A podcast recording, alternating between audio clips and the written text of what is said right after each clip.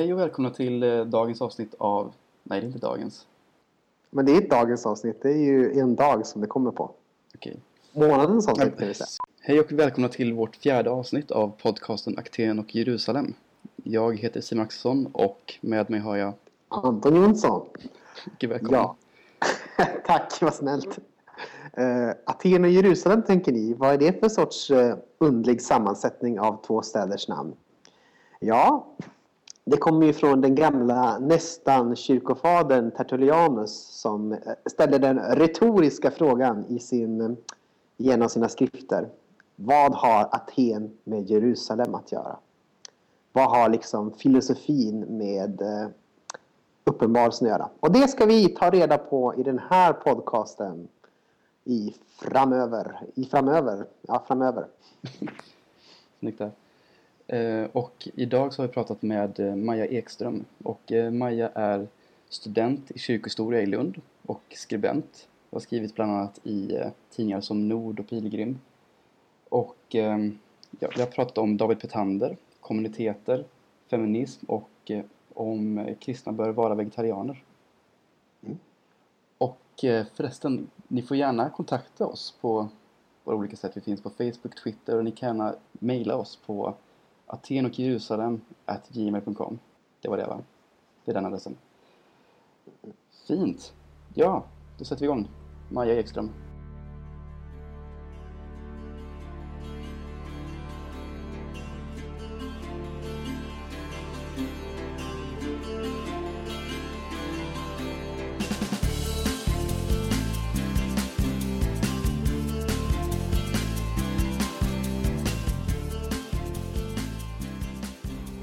Och välkommen till Maja Ekström.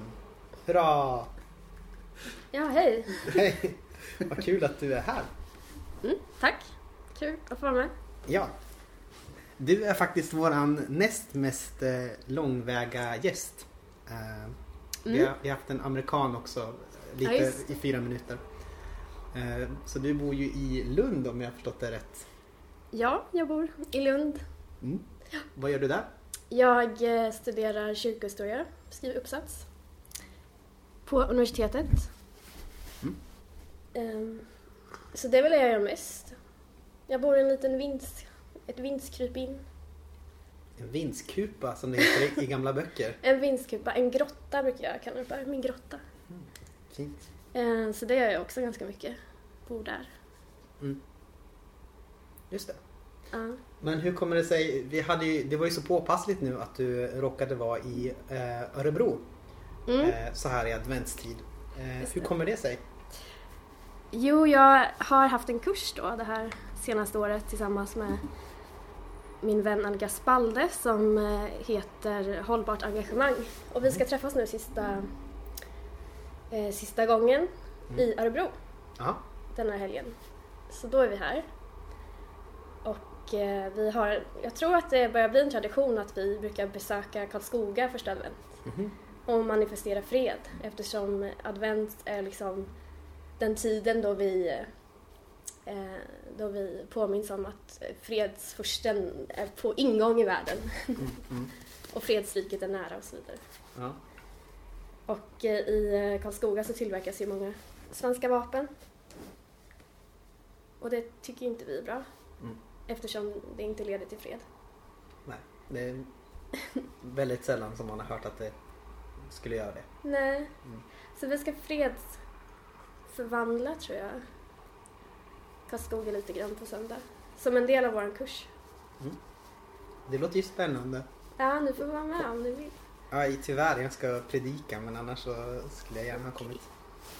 Eh, vad, vad innebär fredsförvandla? Eller är det, är det lite hemligt eh, kanske? Jag, jag tror inte det är hemligt. Vi ska dekorera stan med fredliga budskap framförallt. På, på vilket sätt då? Mm, vi har gjort lite hantverk, eller vad säger man, konstverk. Ja. Som vi ska sätta upp. Och lite ljus och... Ja, vi har en manifest också, fredsmanifest som vi ska försöka sprida. Och så ska vi baka pepparkakor med så freds... Eh, kristyr på. Ja. och dela ut. Jag tänker att vi ska ha en ganska så här. Jag har varit i Karlskoga förut på första advent och varit så här. Ni är dumma, ni är vapen, så här, ni är världens sämsta människor. Och det var jätte, alltså jag tyckte det var väldigt jobbigt liksom.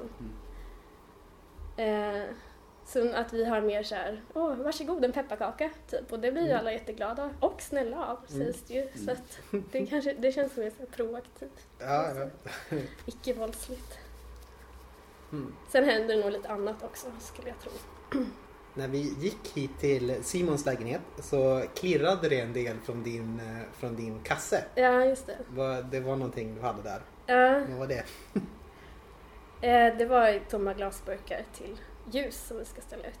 Inget annat. Nej. Jag tyckte att det var lite jobbigt. Ja, det är ju eh, fredag kväll så det är många som har klirrande Ja, precis. kassar. Ja. Just det. Eh, Det fanns ju eh, en gång i tiden en annan person som också var lite av i protest mot eh, militärmakten Mm. Som heter eh, David Petander. Ja. Eh, Du har skrivit en del om honom. Så vem var David Petander? Det är roligt att nu känns det som att jag är här för att prata om Petander och som att allt jag gör är så David Petanders förtjänst i mitt liv. Framförallt den här hösten. Och det är inte det. Ja men det kanske drar det lite för långt Ja. ändå. Han, han betyder mycket för mig förstås men jag skrev min C-uppsats då om David Petander. Mm. Han eh, dog för hundra år sedan nu i, i höst, i oktober. Så det är väl därför det har varit så på tapeten nu då med, med den här, vem var han, vad ville han? Han eh, var, hmm. Han kallas för en svensk Franciscus men också för en svensk Leo Tolstoj. Jag tror det säger ganska mycket. Han... Eh, precis som jag så studerade han kyrkohistoria i Uppsala. Eh, hernetismen studerade han. Men, eh, men sen så... Och de trodde att han skulle bli liksom någon professor eller någonting inom universitetet men helt plötsligt så bestämde han sig för att bli präst. Och eh, prästvigdes och flyttade upp till Ånge och arbetade som präst. Och han var en ganska speciell präst. Liksom. Han lät eh, de fattiga i socknen bo hos honom och delade ut liksom, nästan hela sin lön till de fattiga och bodde väldigt spartanskt och, och så. Men, så han var, han var en, en radikal präst. Och så gick det så långt att han, han upplevde hela tiden brottning. Liksom. Så här, hur ska jag vara, kunna vara både statens präst och Guds präst? För han kunde ändå se att det var någonting i kyrkan som så här, satte hinder för honom att, att följa Jesus på det sättet som han ville. Så det slutade med att han sa, nej men jag ska, jag ska bli så lik Kristus det går, jag ska också bli en vandrande predikant liksom. Så han, eh, han gav bort allt han ägde och sådär och, och lämnade sitt hem och började vandra söderut för att predika Guds rike för människor. Eller inte bara predika utan för att bjuda in liksom, till Guds rike, att Guds rike är här, vi kan ta del av det här livet här och nu. Eh, Så det gjorde han i fyra år och sen... Och det, ja, och det hände väldigt mycket liksom när han gjorde det här. Uppkom gemenskaper och folk försonades och sådär. Eh, men sen så bröt första världskriget ut och han var väldigt, han var liksom utarbetad eh, och sliten och då, han trodde ju på att Guds rike var, var, var en realitet. Och när han kunde se hur världen så står i brand och det blir inte bättre så det tar lite knäcken på honom liksom och så eh, så dör han till slut. Mm. Så hans liv slutar liksom som 39-åring att han, att han går bort. Mm. Det är ju tragiskt men det är ju men det kanske är så det är liksom. Alltså det kanske är så det kristna livet är på ett sätt. Han var inkallad där också ett tag va? Eller han... Ja, det var någonting som kallades landstormen.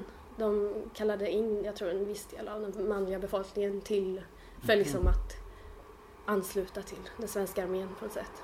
Och då blev, tillhörde han dem. Men han hade inte sett det här för att han, han läste inte tidningar och så vidare. Eh, Så då så sökte polisen upp honom och så här, hallå där, du ska, du ska med oss.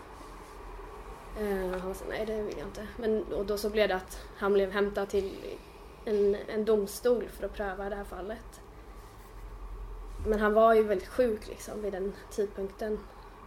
Så, så när han kom upp dit så sa de så här, ja men varför, varför ställer du inte upp? Och, då så sa han så här, nej men jag, jag tjänar bara en konung, Kristus, och jag bär inte vapen. Jag tror de tyckte att han var lite knäpp liksom, men också det att de såg att han var så sjuk så han blev frisläppt sen och så, och så dog han ju kort därefter. Men han trodde ju mycket på den här, att han trodde liksom på, han trodde inte på vapen, han trodde inte på en, eh, på nationer sådär. Han sa vid något tillfälle så här, låt ryssen komma liksom, De, så här, det spelar ingen roll. Alltså han var, han var lite skön. Ja, det skulle ju kanske vara... Det, det, vi står ju liksom inför samma situation med ryssen kanske. Ja men lite. precis, det är därför citatet är så här, Mm. lite aktuellt då. Med ubåtar och annat. Eh, strunt samma typ om de kommer.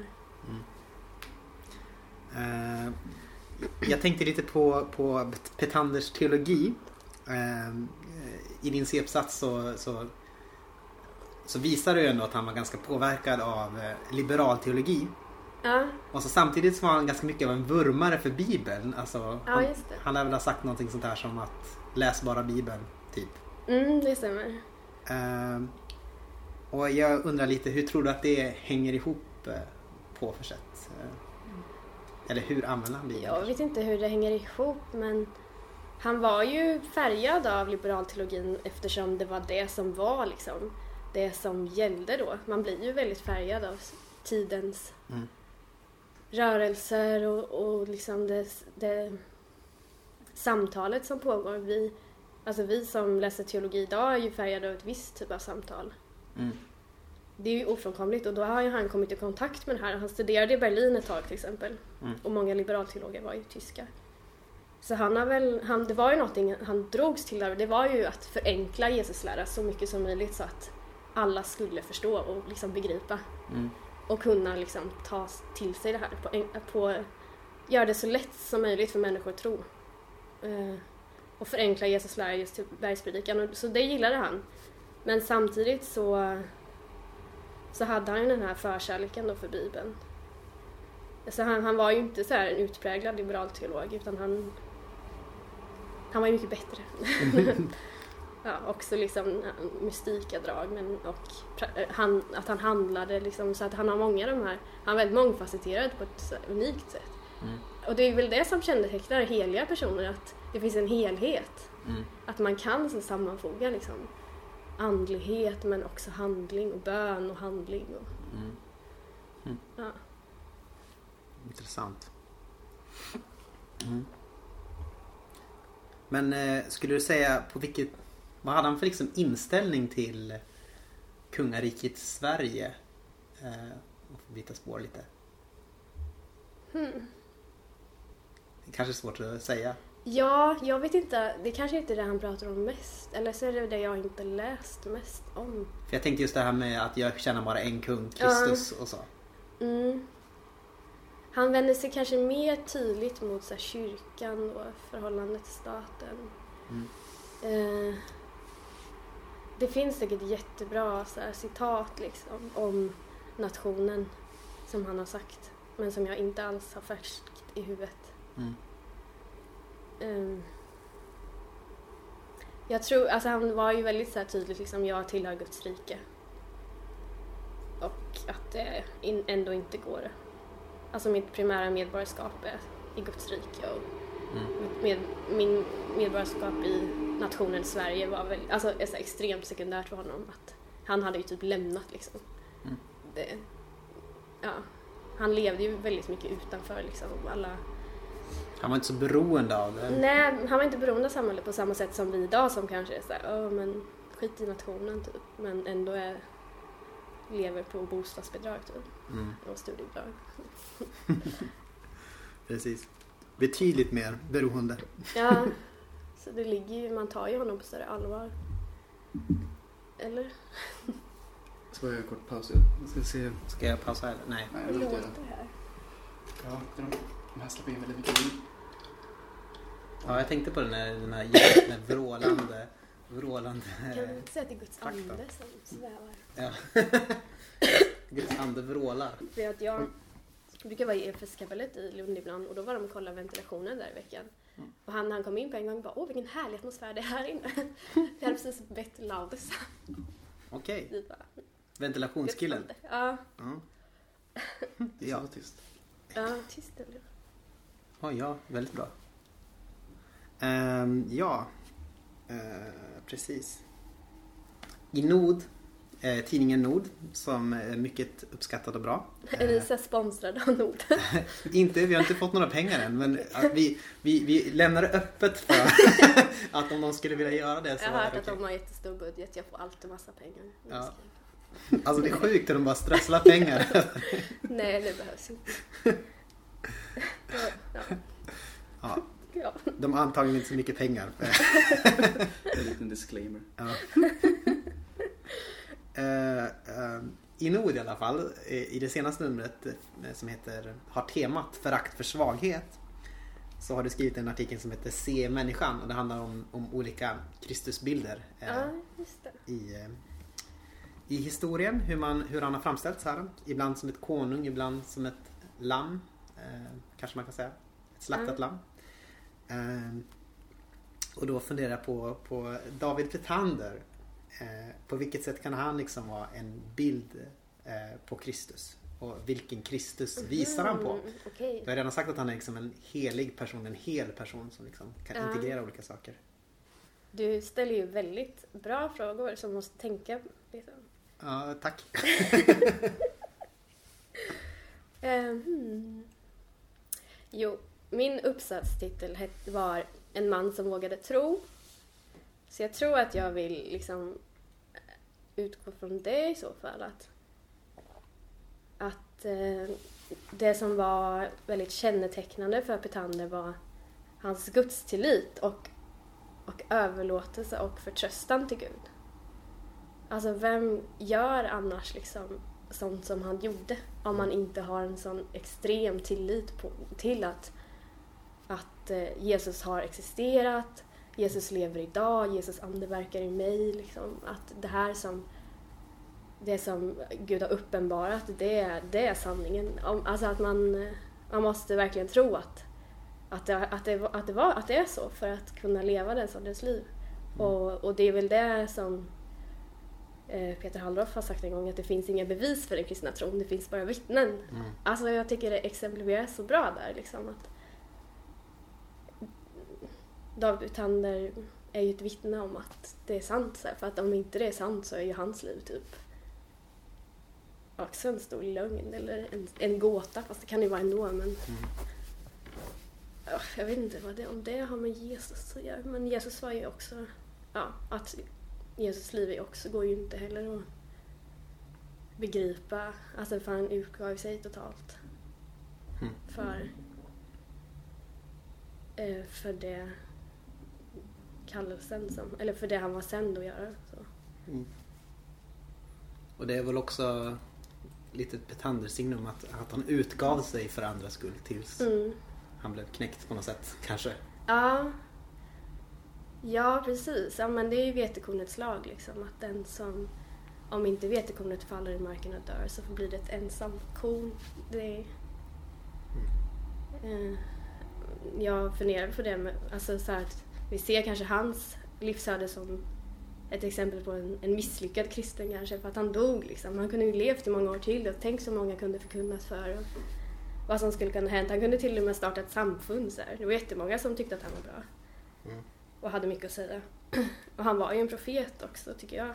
Eh, jag menar att vi kan så här bedöma det då som misslyckat men då så säger ju det står i Johannes evangeliet då att den som, eller visst är det Johannes evangeliet, jag vill inte ge fel bibelreferens här. Det hade varit ett, Jag ett funderar stort på om det är någonting i Korinthierbrevet. Nej, det är en evangelietext i alla fall. Ja, det är, jo men det är det kanske. Eh, Simon, vill du kolla upp? Jag tror att det är Johannes 12. Eller Lukas. Nej, Johannes 12. Ja. Ehm. Ja, nej men... Och då... Och, men det, jag tror väldigt mycket på det där att... Jag vet inte om... Jag vet inte hur, hur bra det är men att vi ska typ så här... Vi ska leva för andra tills vi själva dör. Mm. Så vi ska verkligen i allt liksom. Mm. Har du hittat det? Det finns en sån här uppslagbok. Men, jag har. Men det är ingenting att göra med det här när Paulus pratar om uppståndelsekroppar. Ja men det är ett liknande, det är första Korinthierbrevet 15. Jo, det var Lukas 12. Nej, Johannes 12 heter det. 24. Vilket nu Fint. Bra jobbat.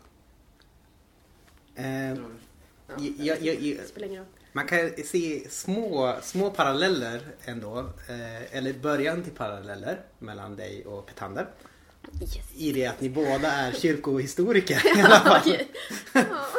Och då undrar jag så här, känner du ibland att du också skulle vilja bryta upp och bli en vandrande förkunnare? Precis som eh, Petander, den före detta kyrkohistorikern. Nej, det är jag nog inte. Jag känner inte att jag har... Jag har inte någon längtan att göra det och jag tror inte jag har en kallelse att göra det. Mm. Och det var det Petander också sa, så här, att ni ska inte bli som jag. Det är ingen... Det här är min kallelse och det här, vad var det han kallade det? En nödåtgärd tror jag. Att vi måste gå ut och göra det. Jag, han var inte ensam alltid. Men, men det ni ska göra, det är att ni ska hitta er egen uppgift, liksom, det Gud kallar er till. Ni ska lyssna så här. Vad säger Gud till mig att jag ska göra? Eh, ja. Och jag är nog lite för bekväm för att typ så sova utomhus och sådär. Mm. Jag vet inte, det kan, det kan jag inte, det kan jag inte uttala mig Ja, om. jag, jag ser många problem i alla fall med den sortens liv. Mm. Det är lite... Men alltså, det, är, det är konstigt ändå med de här eh, sekelskiftesmänniskorna. Att de liksom vågade göra väldigt mycket konstiga saker. Ja. Alltså alla, det var, ju, det var inte så här konst... Eller folk kunde göra det. Att nu går jag ut och säljer allt jag äger och så. Det är inget liksom... Det är en sak som man kunde göra. Och nu skulle ingen, eller jag kan inte komma på någon spontant som skulle kunna göra något sånt. Nej, det kanske var mer tillåtande. Men jag har lite lätt att romantisera typ slutet på 1800-talet så Ja. jag ska inte fråga mig. Men ja, jag vet inte. Det är väl, om du prövar och så ser vad som händer. Mm. Det beror lite på hur historien skrivs på ett sätt. Ja, det kan ju sant. säkert finnas många som tycker att det var väldigt märkligt gjort. Mm. Men det står inte nödvändigtvis- om. Nej. Men jag Nej. tror att det fanns fler sådana som vandrade liksom. Ja. Och, och tiggde pengar. Och Helge. Åkesson är ju ett sånt exempel till exempel. Han var ju ute och Ja, okej. vandrade också. Ja. Eller annan förkunnare då. Mm. Ja. Så det kanske inte var helt unikt. Men det finns ju som sagt eh, mindre vandrande former av efterföljelse än Petanders. Till exempel så har du bott på Catholic Worker Farm i, i, Storbritannien, England. Ja, Ja. utanför London. Ja. Eh, vad är Catholic Worker Farm? Mm, det är en kommunitet då som tillhör Catholic Worker-rörelsen. Um, och just den här kommuniteten var ett par som bodde där. Um, Scott och Maria. Och uh,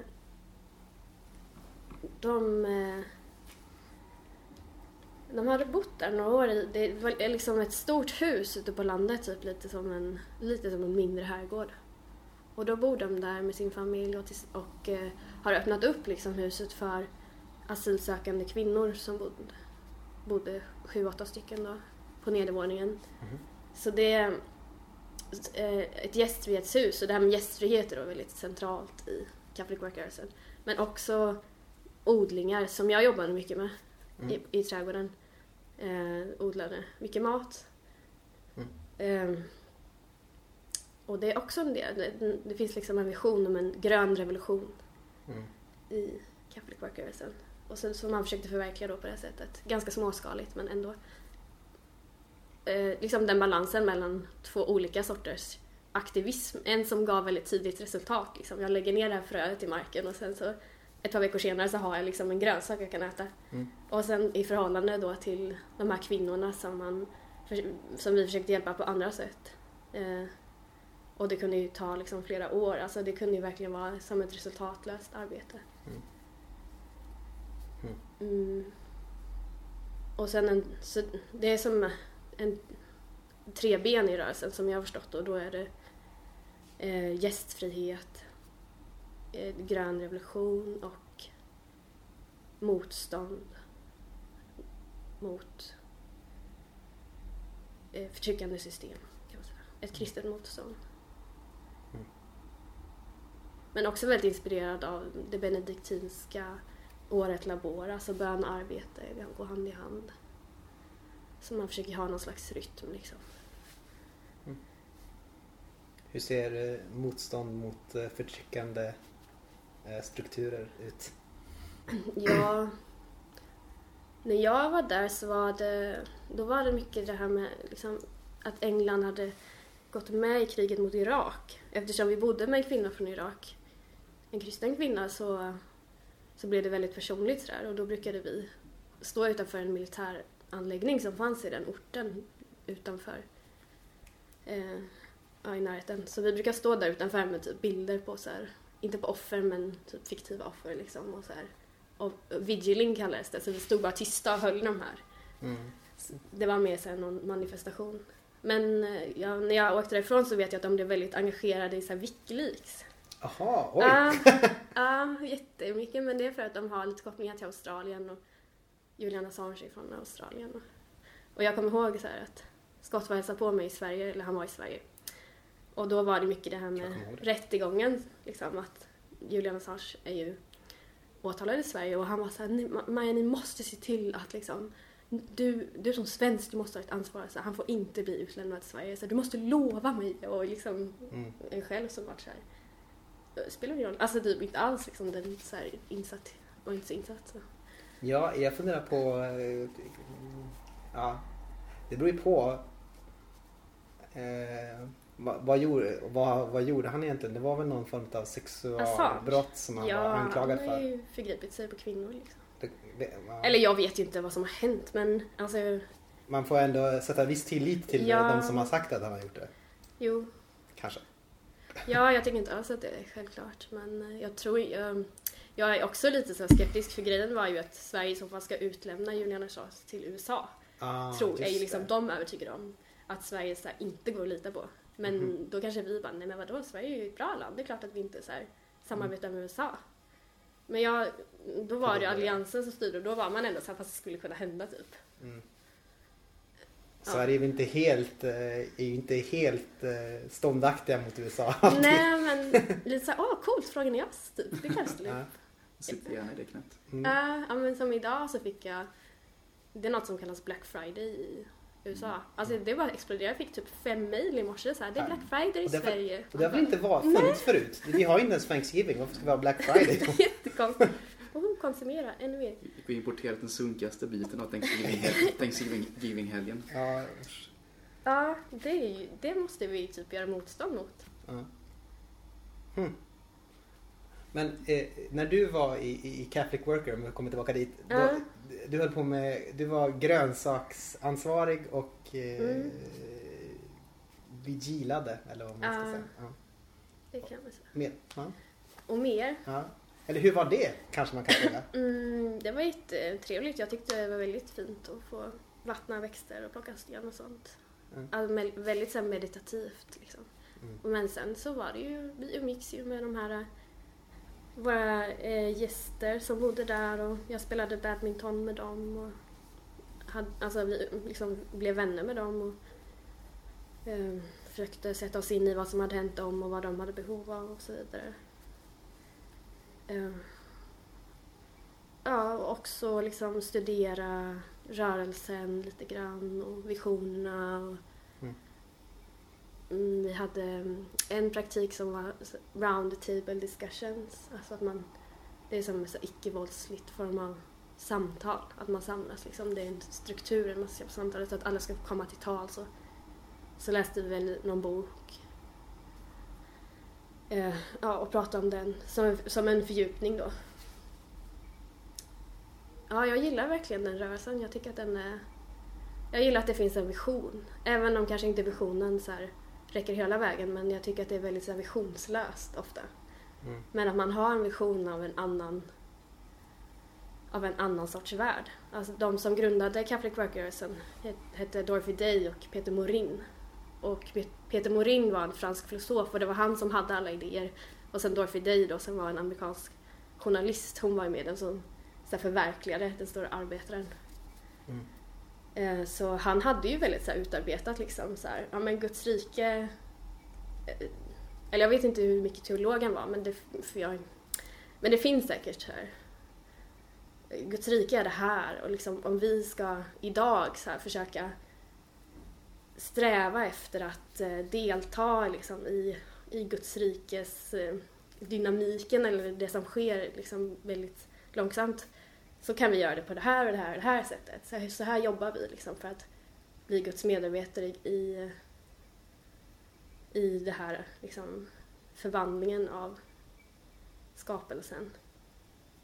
Och jag, mm, så det, var, det är både vision men också ett arbetssätt Mm. som då är ändå grundat på liksom, kommunitetslivet, så gemenskap och kärlek och bön. Mm. Mm. Jag tycker det finns mycket där att utforska. Verkligen. Jag är lite intresserad på det här med grön revolution. V- Vad är en grön revolution? Hur ser en grön revolution ut? Peter Morin talade mycket om att vi måste tillbaka till landet. Mm. Så det var ju framförallt så här, staden alienerar oss liksom från varandra, från Gud, från oss själva, från skapelsen. Den förstör vårt inre så här. Vi, vi är inte andliga människor när vi bor i staden, tycker han. Mm. Så vi måste tillbaka till landet och vi måste så här, producera vår egen mat och vi måste lära känna jorden. Ja, leva hållbart är väl jag vet inte hur aktuellt det var liksom på 30-talet och 40-talet men idag är det ju verkligen så här, vi måste, vi måste hitta ett mer hållbart sätt att leva på. Mm. För jordens resurs, resurser är ju på väg att ta slut. Mm. Så det är nog mycket, mycket sånt. Mycket sånt. Äh, Eh, vad tror du själv? Finns det liksom en, en dellösning att röra sig ut mot landet? Eh, jag känner så här, varför, alltså jag längtar efter det för det känns som att livet är mer så här stilla och skönt och sant ute på landet. Man hör det som, man hör mycket bättre liksom det som hörs och man ser mycket bättre som syns och man ser liksom det lilla. Saker luktar mer, alltså det är så här, det, känns som att tillvaron blir mer verklig. Upplever jag det. Men det är, jag vet att det är så här, det är skitjobbigt på vintern vilket är sex månader av året är det ju jobbigt liksom. eh, och, men man kanske inte får liksom, när man odlar det kanske inte ger något det kanske blir så två potatisar, alltså det är ju verkligen ett jättehårt arbete. Så det är ju lätt att kanske drömma om. Men så sitter man där liksom med sitt läckande tak och, och råttor i källaren och vad det nu kan vara och det är inte så roligt längre. Säger man då. Ja. Problemet, är, problemet för mig är att jag är ju eh, fånigt opraktisk på, på många Man sätt. kanske kan lära sig. Ja, ja visst. Och jag, jag är bättre tror jag på, på, på mat och, och eh, jord, jordgrejer än metall och trägrejer ändå. Om det är till, förstår du? Ja. Så Hur- hellre odla än att renovera. Ja, man dela upp det där? ja, precis. Just det, det är därför man ska bo i en kommunitet så man är så här, bra på olika saker. Jag är typ inte bra på något. Jag, eller, Du är chefsideolog. ja, jag är Peter Morin. Nej, nej, men jag Men kan du är ändå grönsaksansvarig. Ja, fast Det är någonting. hur svårt är det att pilla ner ett frö? Alltså jag har, jo men jag, min, min Om inte, farfar ett, var... om inte ett frö pillas ner i jorden så förblir det ett ensamt frö. ja, just det. Ja. Din farfar Ja, men det då? är ungefär som att bygga. Det är bara, man- hur svårt är det att sätta ihop ett, en grej med en annan grej? Mm. Men det är, det är en, eh, det är, är Jättesvårt. en färdighet. Ja. Klart det är en färdighet. Men jag tänker man kanske ska ha en djupare förståelse för frön just för att vara bra på frön. Mm. Alltså om nu dör fröet och då kanske man, ja. Mm. Men min farfar var i alla fall trädgårdsmästare så jag tror ändå att jag har i blodet kanske på något sätt gröna fingrar och jag tycker om att odla. Jag odlar ekar. Jag har Ah. faktiskt med mig två hit som jag ska ge bort. Mm. Ehm, Maja och ekarna. Maja Ekströms Ekfabrik AB. Ja. Lekar är ju ett projekt. Ja men de blir så här bonsai-träd, de är verkligen inte nyttiga eller ätbara eller någonting. Så det är ju så löjligt att jag säger åh flyttat ut på landet och blir så oberoende av samhället så odlar jag typ Bonsai-träd. Alltså, Men det skulle vara lite kul. Eller det kanske är, det kanske är någonting man skulle kunna försörja sig på på längden. Kommer du ta s- småskaligheten till in absurdum? Ja. Små, små. Jag, har- jag, jag har ju tänkt så här att jag, om jag skulle vara bra på att göra saker med händerna då skulle jag vilja vara bokbindare. Det tycker jag skulle Ja, vara trevligt. men det gör man i klostret då. Ja, ja men Mm. precis. Jag har inget emot kloster generellt sett. Nej, inte jag heller. Jag gillar kloster. Mm. Eh, ja, så jag kanske kan tänka mig då att odla. Och jag gillar djur också, så typ lite så här djuransvarig. Det låter som att vi gör en plan här. Jag, jag, jag bor ju ute på landet i, i, i ett ställe som heter Finneröja. Eh, eller Rödja beroende på. Hanna tycker att, du, är, du är så hemtam där nu. ja, Så nu finner röja. precis. Hanna tycker att det är töntigt när jag säger Finneröja. Man ska säga, hon vill att man ska med det. Eh, Hanna är min flickvän. Till de som inte vet. Eh, så där kanske man, där finns det nog möjlighet att få billigare hus än att få det typ Ja. en kilometer utanför Örebro. Ja. Mm. Ja, men jag kanske kommer upp då. Ja. Vilka, vad har vi för namn på det? Kommunion? Ja, jag har redan bestämt vad min... Mitt, det ska vara ett gästfrihetshus också. Ja. Så det måste man gå med på. Ja, Davids hus på. ska det heta. Davids hus? Och fattar ni liksom, fattar ni kopplingarna eller vad säger Ja, man? Vad- Jesus vad jag anspelar på? kommer från Ja. Davids hus. Det är för mycket Ja. att ta in. Och nej, det är två grejer. ja. David Tander. ja! Ja, ja. Förstod du det? Oj, nej, jag missade det. Jag tänkte på bara Jesus. Jag var helt eh, lost. Jag tänker bara på Jesus. Jag är helt lost. Nu fick, nu fick du det sagt Ja. också. Det är inte helt sant. Eh, Ett annat eh, ställe som eh, jag tycker påminner ganska mycket om Catholic Worker-visionen är ju Alsike kloster. Där har du också bott. Ja, och på vilket sätt påminner och skiljer det sig ifrån Catholic Worker Farm? Det påminner mycket för att när jag kom tillbaka till Sverige så var jag så här, och det här var ju jättebra. Finns det något liknande i Sverige? Mm. Och då hittade jag ju Alsike kloster. Det började med att jag såg en bild på internet som de har skylt på deras uppfart där det står Alsike kloster, en fristad för flyktingar i nöd. Och jag var så här, är det här på riktigt liksom? Det var typ det vackraste jag sett. Men det är på riktigt. Eh, Så jag har varit där från och till och då bodde jag där ett drygt halvår. Eh, Men en skillnad är ju att det är, det är ju en, eh, eh, vad heter det? Nunnor. Ja. Vad heter det? Orden heter den. ja En orden. Inom Svenska kyrkan. Och det är ju deras första kallelse, att leva ordensliv och klostergemenskap. Så det är ju en skillnad. Mm. Och... eh, Ja, det är klart att det finns jättemånga skillnader. Men ändå liksom, det är ju samma i grunden. Eh, vision, även om... Eller man har fångat upp liksom väldigt liknande element i sin vision, kan man säga också så här, för de har ju en vision om att ställa om, bilda en liten klosterby där som ska vara helt ekologisk. Ehm, så det är mycket med hur de försöker hitta hållbara lösningar och odlingar och sådär. Mm. Det är väldigt spännande. Men jag, ja, jag undervisade i svenska när jag bodde där som volontär. Till, det bor ju papperslösa flyktingar där, ganska många. Mm. Och de vuxna eh, vill lära sig svenska också. Barnen får gå i skolan. Så jag hade lite, lite lektioner för dem. Mm. Det var väldigt fint. Jag funderar på det här med fristad för flyktingar. Det är en lite unik eh, ställning på ett sätt för Alsike kloster. Eh, Mm. Eller hur? Ja, det kan man ju säga. Man gör inte razzior där tror jag. Nej, inte längre. Mm. Vi var oroliga för att när jag var där, då var det det här eh, REVA precis. Det Ah, första REVA i Sverige. inte Och det var super- så här, vad sa du? Inte superreva Nej, som- Super-REVA var väl nu nyligen. Mm. Men då kom syster Marianne in liksom på min lektion och bara typ ta ner alla pennor typ. Alltså lite att det var så dramatiskt bara stoppa allt ni gör. Så, nu är det så att polisen eh, polisen letar för fullt, de går in i bussar liksom, de stannar folk på stan. Ta det lugnt.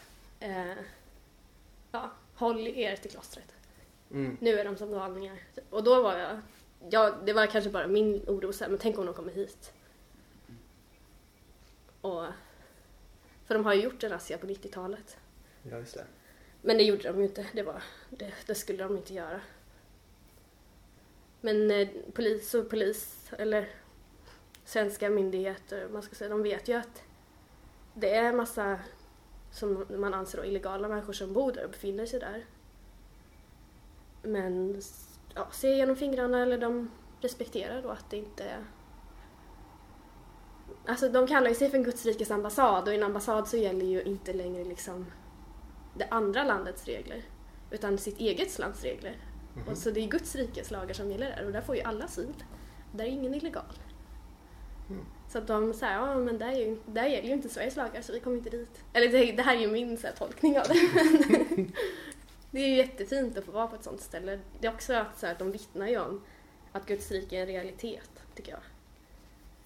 Genom att så här, praktisera lagar här och nu. Mm. På en så här, fysisk geografisk plats. Så bara, men här gäller Guds rikes lag. Och nu är det inte som att det är så himmelriket liksom där och som att inga, det är ingen som gråter.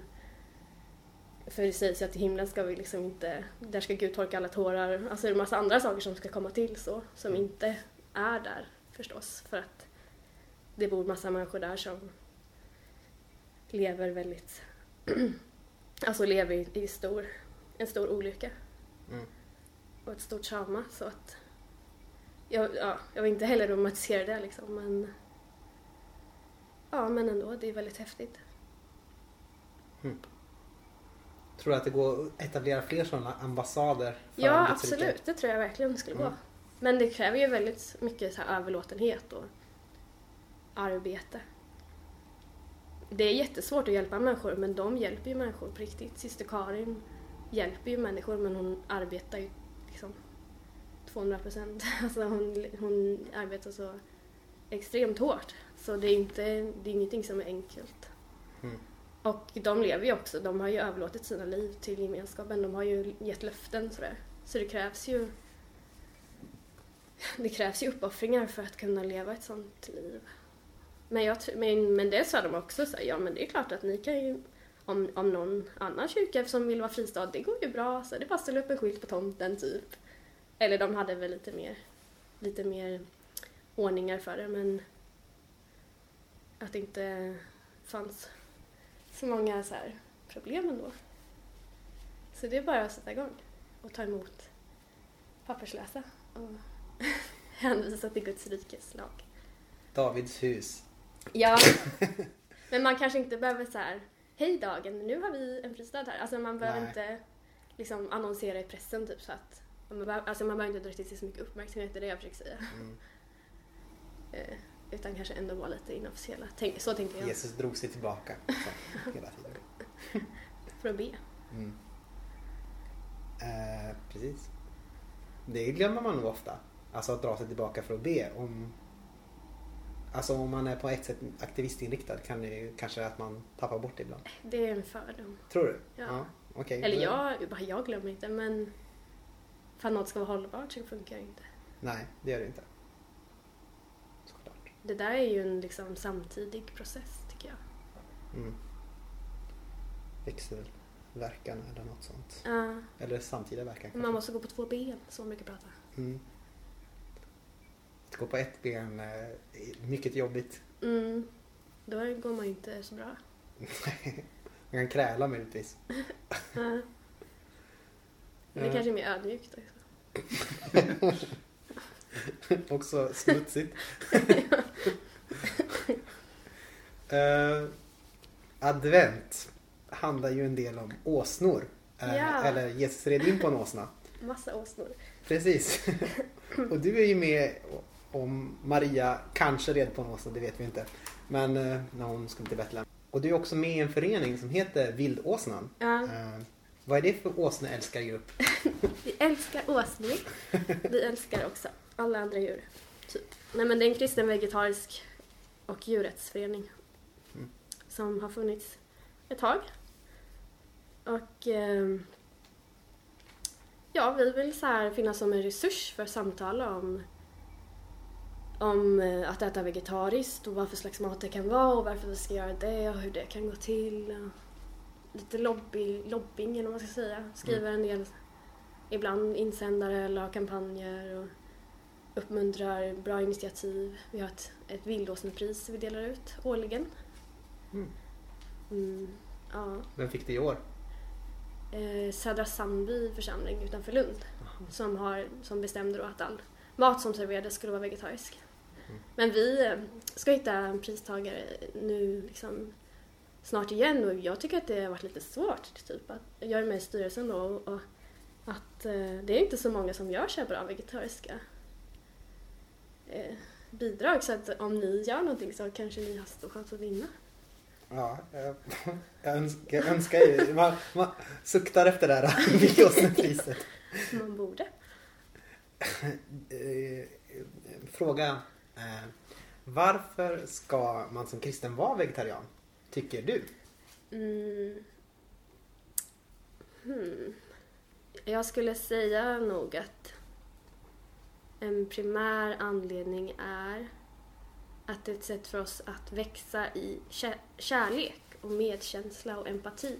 Mm. Till hela Guds skapelse, till alla skapade varelser. Alltså att lära oss att älska också djuren. Eh, Mm. Ja, och sen så för att djuren lider och för att de skulle må bättre av, eller det är ju en konsekvens då. Alltså om vi älskar dem så vill vi inte att de ska lida. Man dödar inte när man älskar. Nej. man- Kanske man kan säga. Jag Nej. äter, jag äter inte dina vänner. I Just det. klasslåt med Refuse och eh, Thomas Di Leva. Gjorde en låt ihop en gång för många år sedan. Så vet jag, jag äter inte mina vänner. Men det är väl någon annan som säger jag äter inte mina vänner. Säkert. Typ Men det är ju... någon seriefigur. Åt Franciscus djur. Nej, han var ju djurvän. Det är ju jättemånga i kyrkans historia som är djurvänner. Men eh, eh, eh, en vän av ordning och bibel Ja. skulle kunna göra invändningen av att eh, Paulus sa ju att man inte ska... Slakta och ät. Nej, det var Petrus. Oj! Eller Petrus sa inte, Gud sa det till Petrus. Nej, Ja. han brukar vara den. Nej, ja, den är ganska kul i och för sig. Det är ganska brutalt eh, ordval av- av Gud där. Men jag tänkte inte på den framförallt. Jag tänkte på Paulus, han säger att man inte ska döma eh, Jaha, om ja, mat och sånt just där. Och eh, Jesus, eh, Mm. det står ju en liten parentes i Markus evangeliet och därmed förklarade han all mat ren Mm, just det. och sådana saker. Eh, och så kan man ju tänka sig, det, man kan ju tänka sig att Jesus åt, åt kött. Ja Men- men det vet, det står ju. Jesus Ja, äter ju han- fisk han äter ju och fisk, ja. påsklamm och... ja. Fast påsklamm står väl inte i och för sig? Han äter ju påskmåltid med sina Ja. vänner och han är ju jude. Så. Då antagligen något ja, annat land. var... Han bara, nej jag är vegetarian. Oh. helt, helt säkert. Han åt, han åt fruktfisk. Han åt korn kanske. Kornfisk. Eh, jo, så då är ju frågan om man då tar in sådana såna bibeltexter och så. Ja, eh, hur kan man då ändå säga att ja, som kristen bör man vara vegetarian eller är det en bra sak att vara vegetarian? jag, jag har ju mest intresserat mig för det här bibelteologiskt ändå. Mm. Och det är ju sant Jesus, eller förmodligen att Jesus åt fisk eller kött, och, eh, fast fiskakött. Eh, och att eh, han i sin matgemenskap, alltså det var ju judarna hade ju mycket så här, matföreskrifter. Vi får äta det här, vi får inte äta det här liksom, och det kunde vara ganska typ utestängande. Och Jesus var såhär, nej men i min gemenskap så kan vi typ äta vad som helst, så alla får vara med. Mm. Eh, och då så, ja då kanske det inte är så, här, så lämpligt att bara, nej i min gemenskap får man bara äta det här, det här, kanske. Mm. Jag menar om vi ska så här, tillämpa det idag. men, eh, ja men jag skulle ändå säga att vi kan ju se, en av de sakerna jag fastnade för när jag blev vegetarian var fredsprofetier i Gamla Testamentet. När det, liksom, det är väl framförallt då Jesaja som säger att, att eh, det är så eskatologiskt liksom att ja, men djuren kommer också få ta del av Guds rike. Djuren är ju en del av liksom, det här shalom som kommer utbreda sig. Titta, här ligger lammet med lejonet och, eh, och, och, och ormen är, är snäll, typ. Alltså så här att ja, men djuren lämnas inte efter, inte left behind typ, utan de är också med. Och då vart jag så här, oj, kolla här, djuren, djuren ska också upprättas. Det står också i Romarbrevet 8 så att de längtar efter det här. Alltså de ropar efter det och vi måste ju höra, och vi hör ju dem, vi hör ju ropen på slakterierna liksom. De längtar ju efter att bli, att få leva sitt, sitt sanna liv. Mm. Och jag bara, åh men jag vill att det ska vara så redan nu. Så det var viktigt för mig när jag blev vegetarian. Mm. Nu, har jag, nu är det nog något annat motiv som jag tycker är, som jag kanske dras till mer. Och det är någon slags helgelse, typ att jag vill så helga, jag gillar helgelse, men att man ska lite så askes typ så här att jag vill eh, prakt- eller jag vill eh, träna mig på att eh, bli mer gudslik och eh, eh, jag vill helga mina matvanor. Alltså jag vill göra dem mer, mer kristna. Precis. Ja, Det- Är ni övertygade nu eller? Ni kanske är Det, vegetarianer? det, är ganska, det, det är ganska bra argument, tycker jag. Men jag, jag är ju fa- faktiskt inte själv vegetarian. Ja. Eh, det finns ju liksom inga bra argument för att vara köttätare. Nej, inga bra. Nej. Det är gott. är ju det, det vanligaste argumentet. Ja. Men som sagt, fortfarande inget bra argument. Nej. Fast ja, att det smakar gott kanske om man tänker liksom att det skulle vara någon så här skönhet liksom Ja, i smak. ja, det är, ju- och, det, och det kanske... Någon skulle, man skulle kunna dra dit med proteinargumentet möjligtvis. Att, eh, att det är en väldigt bra proteinkälla. Typ. Ja, Jo, fast det finns ju andra med. Ja, det gör det. ja det, Men då måste man vara mer det kreativ det är- ja. plötsligt. Men är det ett problem? Eller? Nej, det är inte... Det är väl bara en utmaning? Alltså det är, väl, det, det är väl samma sak som om man inte vill hålla på med våld. Då måste man också vara mer kreativ. Så Ja. det är väl beror på. Det är lite minsta motståndslag Ja, som, som gäller det mesta egentligen. ja, Det är Ja. mycket enklare. ja Bara- antagligen. Bara lida med. Mm. Som sagt, fortfarande inga bra argument. Nej, Det, fin, det finns ju... Det, ja, det, det som är kanske det bästa kristna argumentet är väl det här uh, Paulus Jesus argumentet på något sätt. att Kan jag tänka. Alltså att man Mhm. kan bli för man kan bli för utestängande. Ja, just det. Eh, om, man, om man liksom Ja. För jag brukar tänka lite så här att matlagaren i Gamla Testamentets funktion är ju att avskilja eh, Guds folk så att de inte så att de blir liksom speciella. Eh, och på något sätt så öppnas det upp för att fler ska kunna få del av Guds rikets gemenskap i, i Nya Testamentet. Ja. Eh, och, då, och då kan det vara och då kan det, det, men det var du också inne på, då kan det vara lite så här, om man gör en absolut regel av det så, Ja. så kan det ju bli lite så att det blir kanske lite slutet. Ja. Ungefär som typ veganer kan ju egentligen nästan bara äta med veganer. Och då blir det liksom lite som att man blir en egen, att man, det blir inte riktigt lika öppet. Men det är ju inte Mm. så här ett argument egentligen mot att vara vegetarian personligen. Det är väl att man skulle göra en absolut regel av det möjligtvis. ja. Det Mm. finns ju kyrkor som har haft, som har praktiserat vegetarianism. Typ Mm. adventistkyrkan.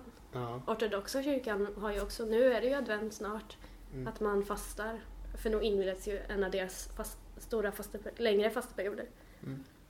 Jag pratade med en adventist. De säger att, han sa att 50% av alla medlemmar i adventistkyrkan i Sverige är vegetarianer. Ja, det är nog bra. Det är, en, det är en ganska bra. Och de, all Mm. mat de äter gemensamt är också vegetarisk. Vi kanske ska ge priset till Adventistsamfundet? Ja. Är det, är det korser? alltså, Alltså de är ju... På Är många de- sätt är de inte så, är de inte så trendiga. För att, men det är ingenting. för att de är lite så här dispensionalistiska och sånt där. Men det är ju det är väl okej. Ja, Det- Alltså, jag, jag tycker att man kan uppmuntra dem. ja. ja just det. Jag får ta med det. Eh, precis. Det finns ju det finns en till teolog som heter Norman Virsba. Ba- Nej, Mirsba. Ja, precis. Han är ju han är kul också. Och han säger ju, han skulle säga så här att allt ätande, eh, liksom eh, grönsaker och gurka och sånt där och allting och kött. Allt är beroende av någon annans liv hela tiden. Typ. Eh, på något sätt. Alltså hela Mm. tiden är det någon annan organism som dör för att jag äter. Eh, och då säger han så här, ja men det är okej typ att äta kött fast man måste äta med vördnad och urskiljning. Man kan inte liksom äta dåligt, man ska inte hålla på att äta dåligt kött hela tiden. Ja. Om man ska äta kött då ska man äta kött på ett vördnadsfullt sätt och liksom se till så att man äter det från så goda källor man kan. Jag förstår inte riktigt det argumentet för jag tycker Mm. typ att han likställer så här en gris med en gurka. Ja. Om man nu har Alltså jag upplever liksom, jag kan typ bli sentimental av djur för att jag har växt i kärlek till djuren när jag slutar äta dem. För att Gud gör sånt till oss människor. Mm. Så för mig så är det så här, men du kan inte säga så, men jag kanske bara missuppfattar honom. Mm, ja, det är möjligt att vi har gjort det. Men eh, jag tycker det är bra med så teologi om att äta. Mm. Men jag tycker att det är synd att han inte tycker att alla ska vara vegetarianer. Kanske. Mm. Mm. Eller att han inte säger mer om det. Hur, eh, mm. Hur ligger vi till tidsmässigt Simon? Eh, bra, tycker jag.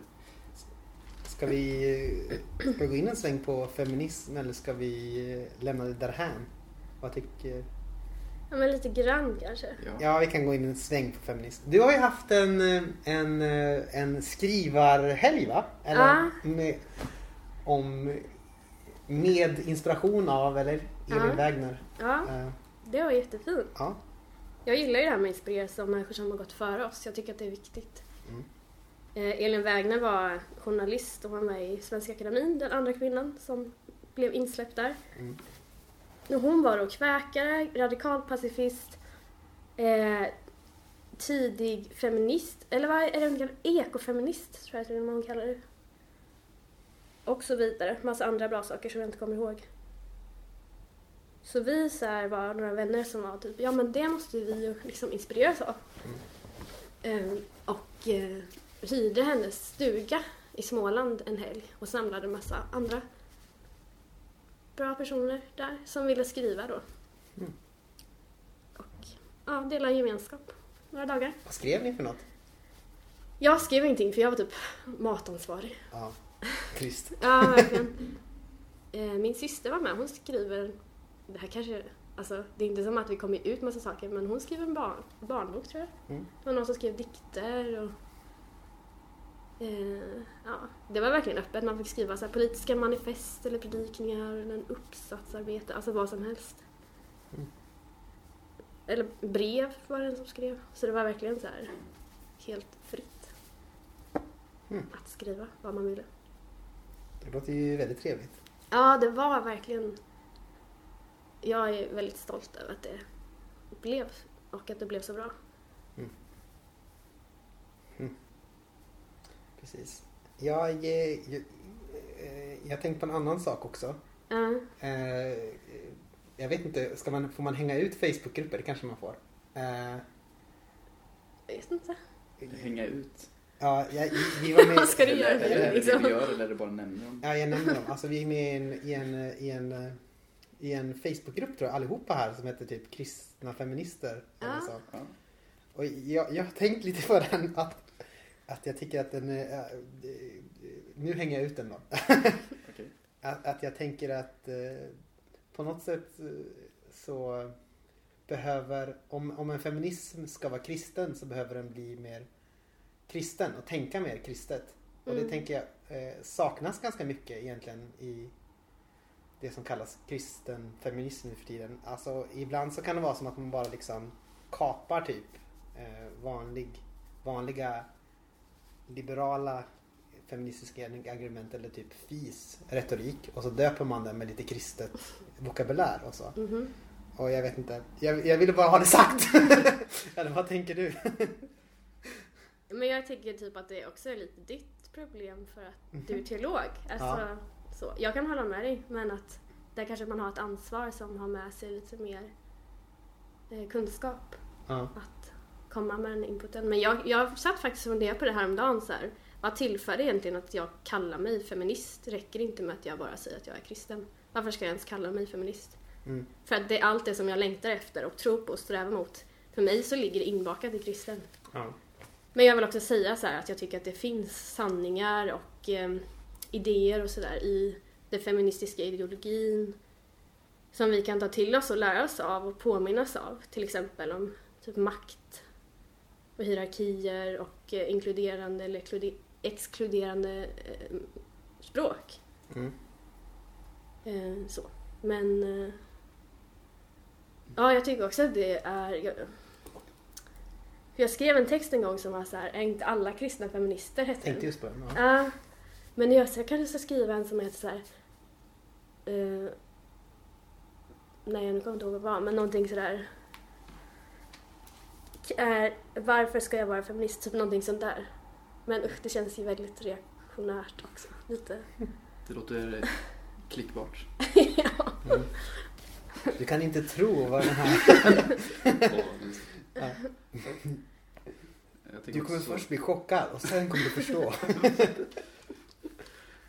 jag, jag, jag tänker ett litet problem eh, också med det är ju att, eh, att man ofta har en inklusiv början på något sätt. Alltså om man säger så här, ja men feminism handlar om att man vill att alla har samma värde typ i samhället. Mm. Och sen man ja men då är jag feminist. Och så säger de, och förresten du måste också skriva under på alla mina intersektionella analyser annars är du inte en riktig feminist. Ja.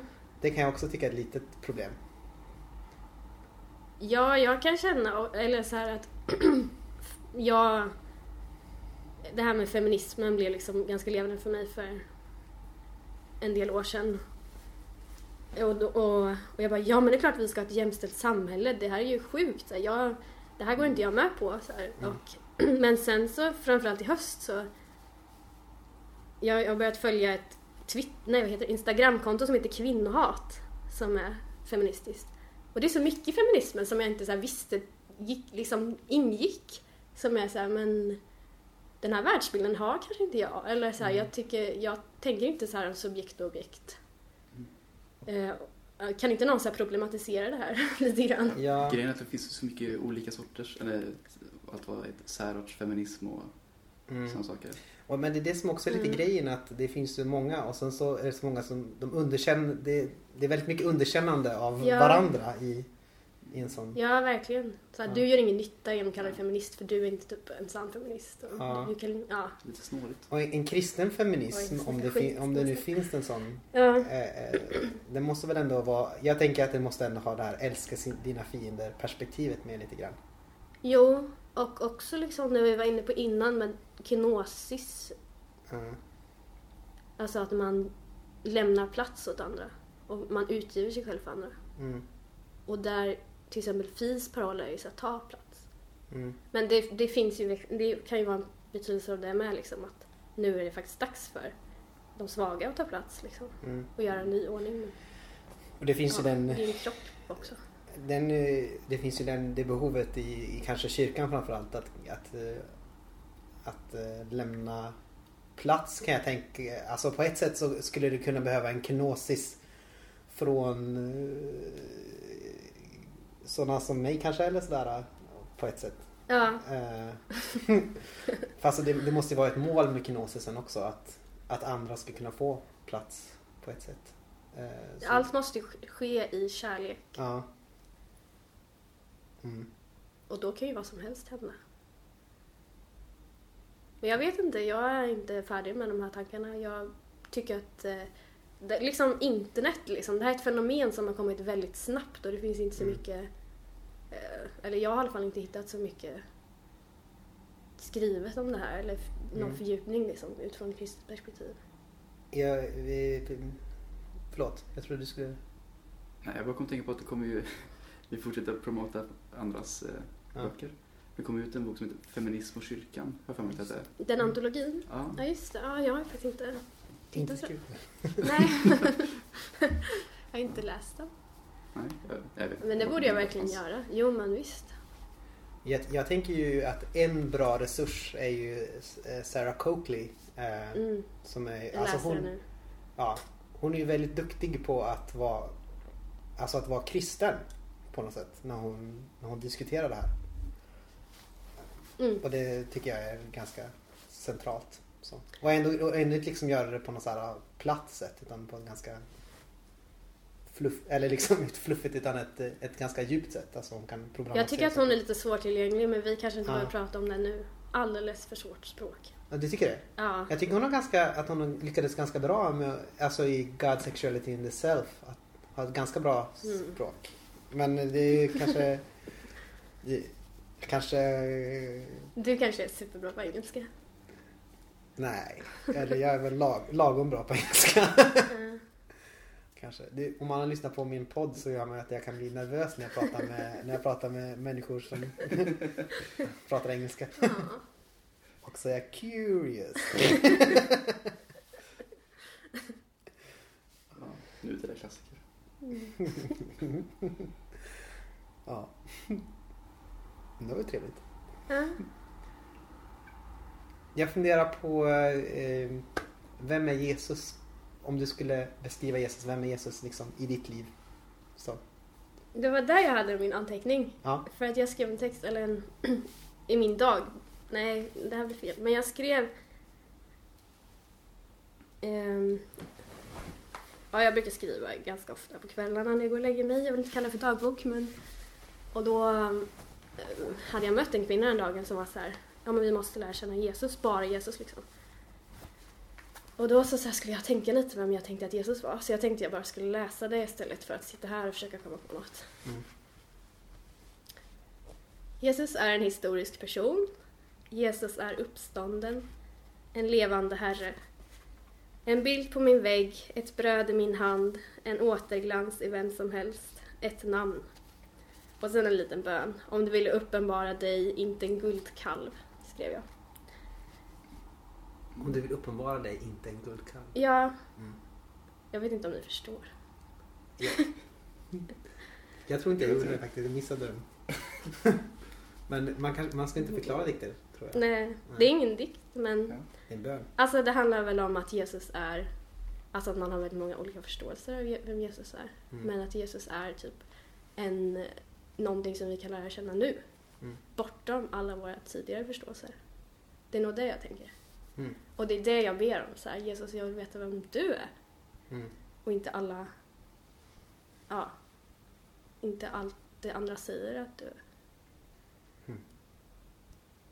Men samtidigt så kan Jesus vara allt det andra som vi har liksom förstått att Jesus är, till exempel en historisk person. Mm. Det kanske blev jättekonstigt svar. Nej, jag tyckte det var väldigt bra så. Jag tyckte mycket om det. Tack, Ja. Mm. vad fint. Har du något tips på en, en gäst eller någon du skulle vilja att vi skulle prata med? Mm, jag tycker ju att alla människor har verkligen något viktigt att säga. Och att... Eh, ja, men jag tror att alla har att, ja, någonting viktigt att säga. Men jag har också tänkt lite på det här för att jag vet att ni frågar. Mm. Och jag läser ju teologi i Lund och där finns det jättemånga så här lovande teologer, tycker jag. Så då vill jag säga en därifrån. Och då, jag har en kompis som heter Joel Kulin som eh, exeget eller... Mm. Och han är... Jag gillar honom för att han är så här... Ingenting får typ stå i vägen för sanningen, så uppfattar jag honom. Han är verkligen orädd, typ. Han är pingstvän från Göteborg, men inte så här... Inte så här den klassiska typ rädda konservativa typen, utan så här allting. Alltså sanningen prövar verkligen allt. Typ. Mm. Ja, jag tycker att det är sk- ganska Mm. skön ingång. Och sen en annan person är en vän som heter Alice Hägg som är typ den enda i frikyrkan som är cool på riktigt. Eh, Åh. sorry. Hon är en sån här karismatisk aktivist och eh, bad i P3s program Verkligheten. Jag vet inte om ni har hört det, men ni, Nej, eh, de, det var den här Ja, wow. psalmaktionen i Jönköping, Ja. min hemstad. Så jag var där, men jag var inte med i deras grupp. Men då, så in, då följer liksom den här reportern dem och då så innan de ska gå dit så, så träffas liksom, så ber de för det de ska göra och då så, men Alice visste inte om att de spelade in så hon typ så här superfrimodigt bara ber. Mm.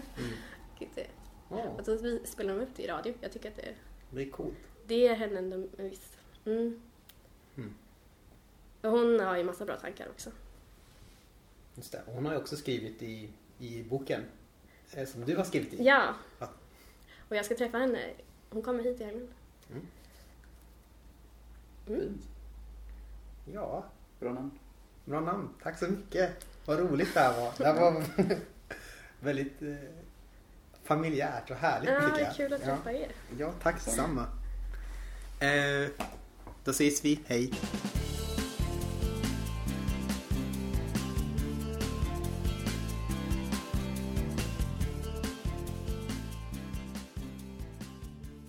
Så, det där var alltså Maja Ekström.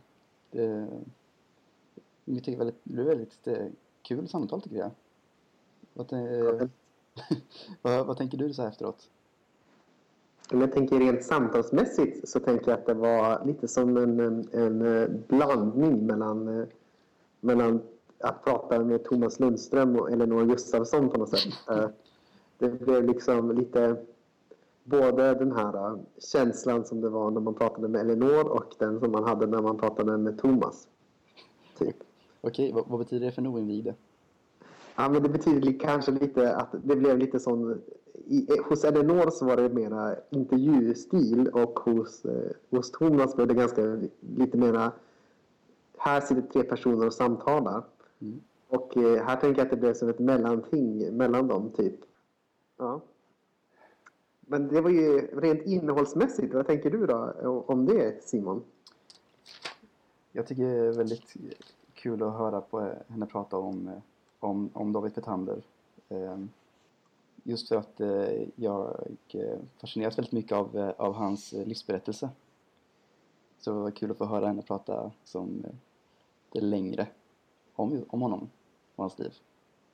Ja, och jag kan tycka att det är på något sätt att det, i, ibland så kan jag tänka romantiserande att det fanns som en sorts frihet ändå på, eh, på slutet av 1800-talet, början av 1900-talet. Att eh, det fanns en sorts så här att det var okej att testa på eh, nya saker och så. Det, var, det fanns en sån här äventyrslusta i så här, ja, det fanns en politisk äventyrslusta så här bara, ja, man kunde till exempel vara eh, det kom massor med nya spännande teorier och, och liksom ideologier och sånt där. Och så sen så i kyrkan så var det också så här, ja men vi kanske ska vara fria kyrkor. Vi kanske ska, liksom, ja men vi kanske ska gå ut och gå.